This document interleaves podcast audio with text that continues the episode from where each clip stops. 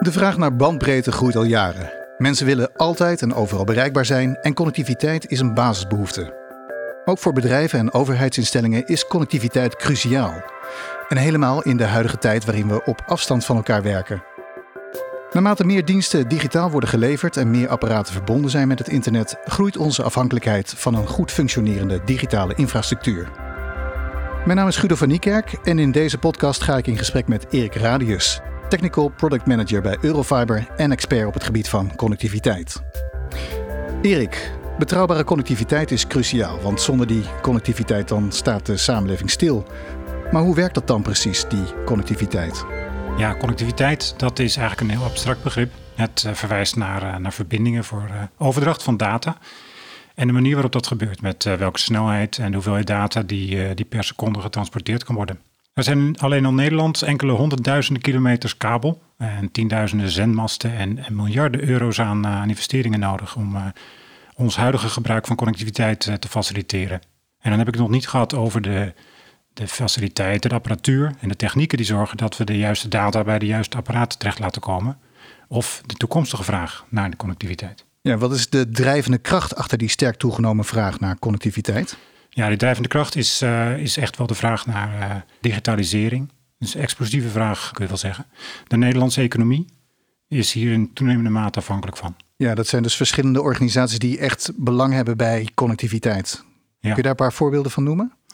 Nou, je kunt denken aan, uh, aan ministeries, maar ook grotere bedrijven, uh, scholen, universiteiten, die in toenemende mate gebruik maken van connectiviteit. Zou je in het kort kunnen duiden hoe zo'n netwerkinfrastructuur er precies uitziet? Ja, nou, de term netwerkinfrastructuur, die wordt gebruikt voor de verzameling voorzieningen die nodig is om het transport van met name digitale signalen die de data bevatten. Het is een combinatie van netwerkcomponenten, zoals switches en routers enerzijds en transportmedia zoals glasvezel anderzijds. Je kunt het zien als een soort snelwegennet met uh, verkeerspleinen, rotonden en afritten. En dan zijn de routers en de switches zijn dan die rotondes.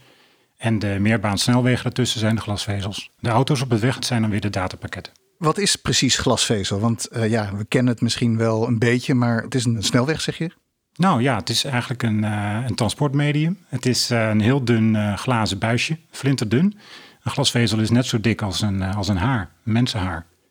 En het is gemaakt van zeer helder glas. Het is uh, eigenlijk gewoon uh, glasvezel, is letterlijk uh, gemaakt van, van zand wat ook op het strand ligt. We gebruiken daarbij de techniek van totale interne reflectie, waarbij een lichtsignaal echt in de kern van de glasvezel gevangen blijft en daarmee over tientallen kilometers kan worden getransporteerd. En hoe werkt dat dan, het opsluiten van licht in, in een glasvezelkabel? dat vond ik zelf toen ik ooit met natuurkunde begon als student, vond ik dat echt het meest fascinerende wat ik ooit gehoord. Nou, en ik zit nog steeds in de business, dus dat is wel blijven hangen. Um, Wat hier eigenlijk werkt, is dat het, uh, de kern van een glasvezel heeft een iets hogere brekingsindex, waardoor het licht liever in die kern zit dan daarbuiten. En dat kun je misschien wel vergelijken met bijvoorbeeld als je een lamp uh, schijnt in een fontein, dan wordt het lamplicht wordt meegenomen in het waterstraal. En dan krijg je de lichte vlekken van waar het uh, licht dan op het wateroppervlak ketst. Nou, dat, datzelfde effect zit ook in een glasvezel. Dus het, het licht wordt opgesloten in een glasvezelkabel en zo uh, dus uh, heel efficiënt getransporteerd.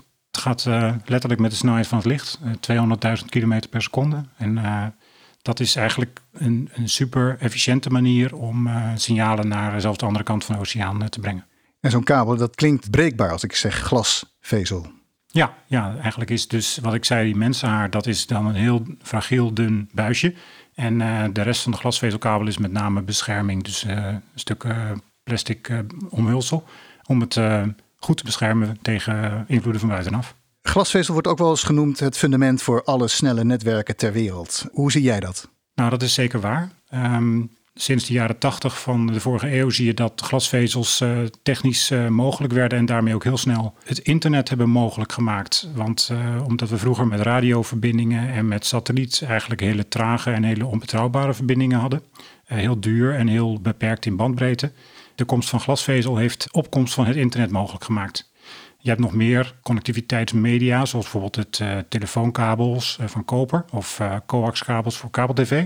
En natuurlijk ook de ether. Hè. We hebben gewoon onze radiosignalen, die worden nog steeds gebruikt, ook bijvoorbeeld voor je gsm en je, je smartphone.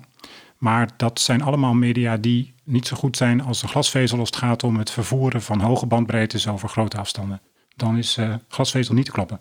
Wat maakt uh, glasvezel zo bijzonder als transportmedium? Het is um, eigenlijk een heel voorspelbaar medium. Dus je bent niet afhankelijk van zaken als het weer, wat dus bij radiotechniek wel uh, speelt. En bij satellietcommunicatie heb je ook nog wel te maken met allerlei invloeden van buitenaf. Zo'n glasvezel is heel erg goed voorspelbaar en uh, je kunt daarmee uh, ook verschillende golflengtes uh, licht, verschillende kleuren, kun je tegelijkertijd door zo'n glasvezel sturen. Daarmee kun je een enorm hoge capaciteit door zo'n netwerk sturen en de glasvezel is eigenlijk daarmee een, ook een heel toekomstvast medium. Wat is zeg maar op dit moment het maximale aantal data die je per seconde door zo'n buisje kunt sturen? Nou, dat is eigenlijk wel nog afhankelijk van het aantal kleuren wat je dan door zo'n glasvezel stuurt.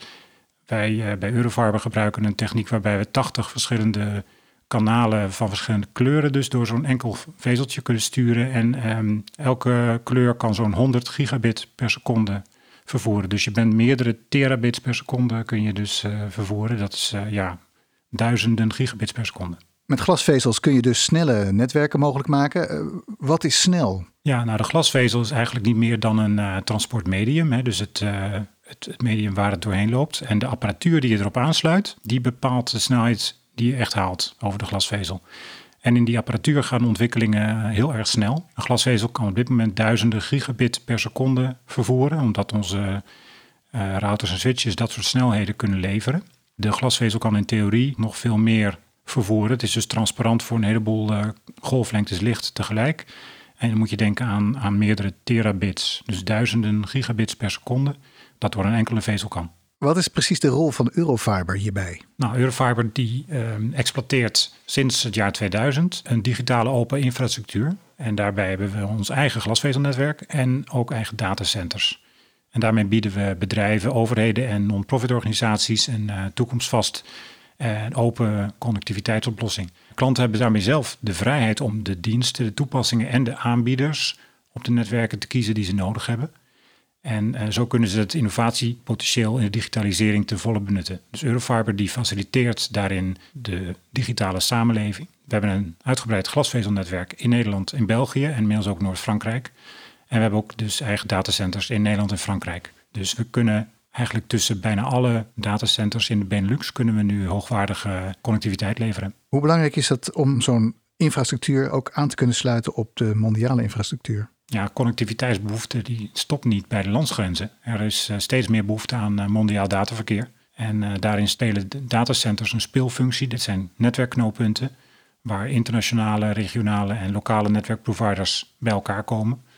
En de meeste datacenters in de Benelux hebben glasvezelverbindingen van Eurofiber in huis. Zo kunnen we voor onze klanten verbindingen maken met andere Europese landen, maar ook met andere continenten.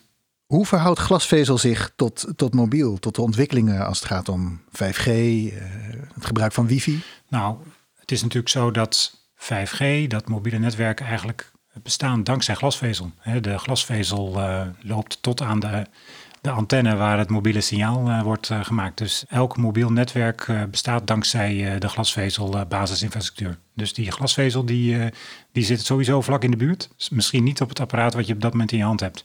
Maar naarmate de bandbreedtebehoeftes van onze smartphones, van onze laptops toeneemt, um, zijn die glasvezelverbindingen, ja, die worden steeds beter benut, steeds drukker gebruikt. Ik kan me voorstellen dat een netwerk, een glasvezelnetwerk als dat van jullie, ook onderhoud nodig heeft. Um, ja, wat doen jullie om het netwerk te laten draaien en ook de maatschappij dus te laten draaien? We zijn eigenlijk dagelijks bezig. elke dag komt er 40 kilometer bij. Uh, bezig om, uh, om nieuwe bedrijven aan te sluiten, nieuwe datacenters, maar ook, ook weer nieuwe mobiele telefoonmasten. Dus dat, wordt, dat is dagelijks werk. Um, het is ook heel belangrijk dat we dat op een manier doen dat het tientallen jaren mee kan. Dus het moet met hoogwaardige materialen worden, worden gebouwd en op een degelijke manier worden, in de grond worden gestopt. En, en het feit dat we het ondergronds aanleggen, geeft ook een zeer geringe storingsgevoeligheid. En omdat het overal de glasvezels ook aan elkaar worden gelast met een hele speciale techniek, hebben we ook een hele lage demping van de, van de signalen. Kunnen we dus hele hoge afstanden afleggen zonder, zonder storingen. Ja, demping, dat, dat moet je even duiden. Wat, wat betekent demping? Nou, letterlijk het licht wat door het glasvezeltje gaat, dat uh, moet natuurlijk wel aan het eind nog kunnen worden gedetecteerd. Hè. Dat signaal moet nog, de ene en nullen van de datapakketjes moet je nog uit elkaar kunnen houden. Dus het licht mag wel een beetje verzwakken onderweg, maar niet helemaal uitdoven. Dus als er verstoringen in de glasvezel zitten, dan, dan geeft dat aanleiding tot demping. En die demping die probeer je zo laag mogelijk te houden. Dus ook op de plekken waar je de glasvezel aan elkaar last, als je kabels aan elkaar monteert, kun je niet even met een kroonsteentje dat doen. Maar dat moet je echt met een hele aparte techniek eh, aan elkaar lassen. Dus dan worden eigenlijk die glasvezels aan elkaar gesmolten. En dat moet met zeer lage uh, signaaldemping. Als er dan toch een keertje iets aan de hand is met zo'n kabel, zo'n glasvezelkabel, hoe kun je dat dan oplossen?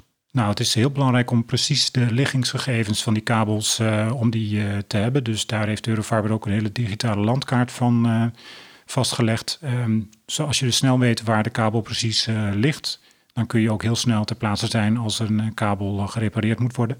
We zijn er trots op dat we eigenlijk altijd binnen acht uur na een breuk een glasvezelkabel gerepareerd hebben. En gebeurt het nou vaak, zo'n zo'n breuk? Nou, er wordt natuurlijk nog best wel veel in Nederland ook gebouwd. Um, en niet altijd wordt er precies op de meter uh, nauwkeurig uh, gewerkt waar, uh, waar verwacht wordt dat wordt gewerkt. En dan kan je wel eens een kabel raken. En dat gebeurt helaas meerdere keren per week. Um, in de winter is het wat rustiger omdat er dan niet gegraven wordt. Maar in de rest van het jaar is dat eigenlijk schering en inslag. En dan wordt het weer snel opgelost door jullie? Precies. Welk verkeer gaat er over jullie glasvezelnetwerk? Over het glasvezelnetwerk van Eurofiber loopt bijvoorbeeld 78% van al het dataverkeer van de universiteiten in Nederland. En uh, ook zoiets 77% van het uh, dataverkeer van alle ziekenhuizen. En ongeveer de helft van al het mobiele dataverkeer mm -hmm. van Nederland loopt in onze glasvezels. En, uh, en 57% van de energiebedrijven heeft hun datatransport aan, aan Eurofiber toevertrouwd. Denk ook aan veel verkeersregelinstallaties en bruggen die via Eurofiber glasvezels worden bestuurd. En zo leggen we eigenlijk een ja, fundament onder de digitale samenleving. Als ik het zo hoor, dan zijn het best wel vitale onderdelen van de Nederlandse maatschappij, die dus afhankelijk zijn van jullie glasvezelnetwerk. Ja, uh, kort geleden heeft de Nederlandse overheid ook Eurofiber uh, de status van vitale infrastructuur toegekend. Ik kan me voorstellen dat zo'n status vitale infrastructuur hoge eisen stelt aan het glasvezelnetwerk wat betreft de betrouwbaarheid en de beveiliging van de connectiviteit. Want je moet niet denken als er storingen of uitval uh, plaatsvinden. Ja, het is zeker een uitdaging om, uh, om een glasvezelnetwerk uh, ja, aan te leggen en ook in stand te houden. Het, Nederland is erg dicht bevolkt. Er wordt erg veel in de ondergrond gewerkt. En behalve glasvezels ligt er ook elektriciteitsnetwerk en gasnetwerk. Het riool, water, telefoon, kabel, tv.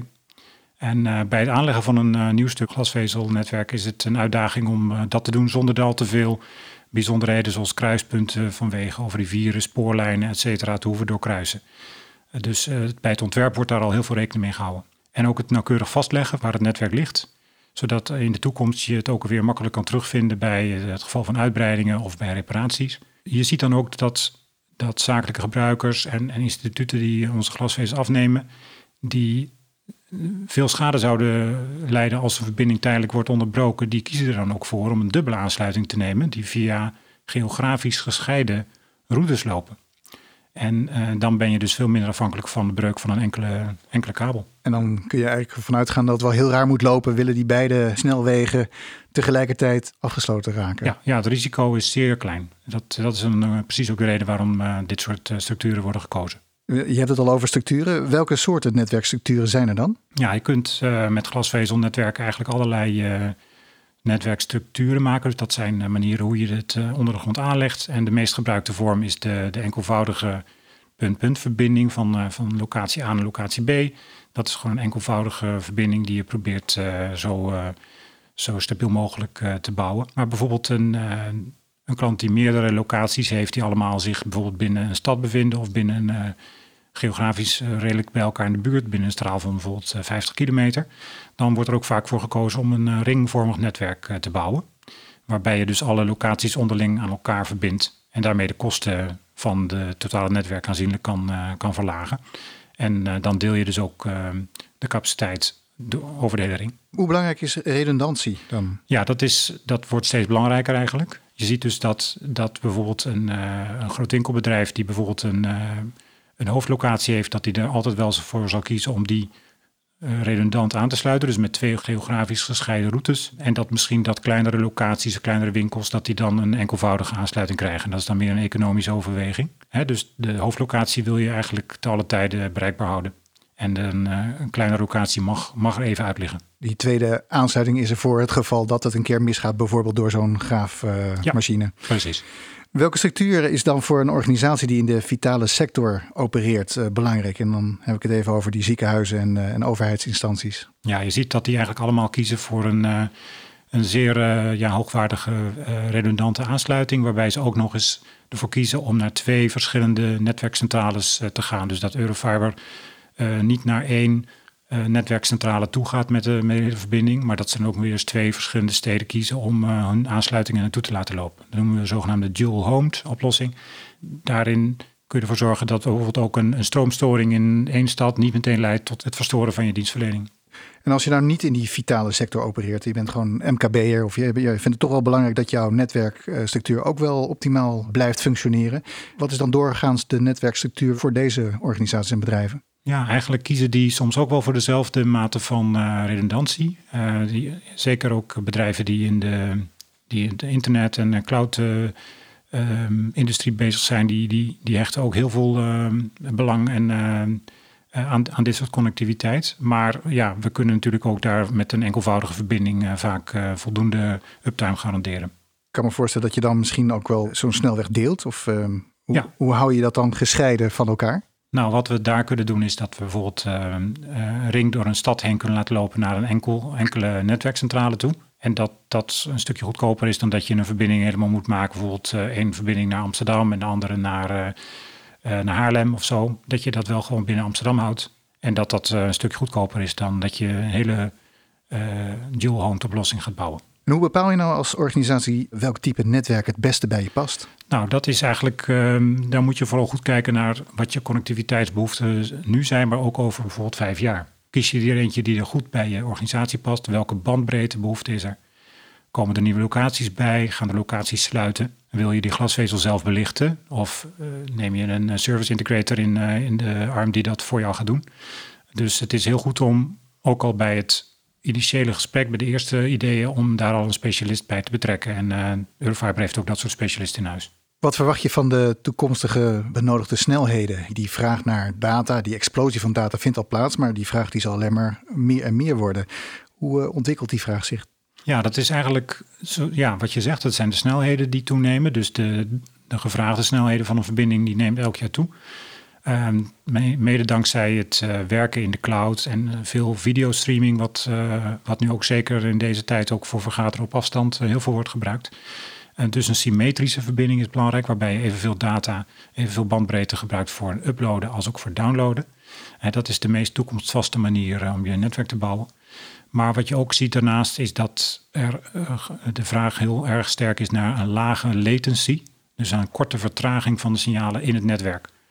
Dus dat ook met name de verbinding tussen de cloud-infrastructuur en je eindgebruikers, dat die zo kort mogelijk is, zodat je zo min mogelijk vertraging hebt in je, in je toepassingen. Kun je voorbeelden noemen van organisaties die belang hebben bij uh, zo'n laag mogelijke latency? Nou, bijvoorbeeld uh, een, een bank die um, tot, nou, tot voor kort waarschijnlijk um, zijn databases in de kelder van hetzelfde gebouw uh, had staan in een grote computer. En die hebben besloten om dat allemaal bij bij Amazon of bij Google of bij Microsoft te gaan hosten, dan is het wel belangrijk dat je diezelfde databases uh, wel op, op een aantal milliseconden of microseconden afstand uh, kan benaderen, omdat anders die, de toepassingen van die databases heel traag worden. Als je zo'nzelfde database in, um, ergens in de Verenigde Staten zou neerzetten, dan heb je sowieso al uh, meerdere nou, heb je honderden milliseconden nodig, alleen maar om, om het licht daarheen te laten gaan. Ja. Dus daar wordt zo'n applicatie niet sneller van. Dus het is ook echt je optimalisatie van je netwerk en waar je je data vandaan haalt.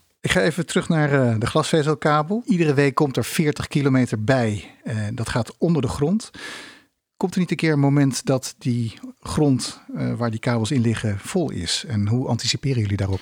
Ja, er, um, dat is zeker een, uh, een punt van aandacht. En uh, Nederland is, uh, is, ja, is redelijk dicht bebouwd. Um, er wordt nu al wel meer opgelet dan vroeger. En zeker ook lokale overheden kijken er streng op toe dat de ondergrond niet te vol raakt.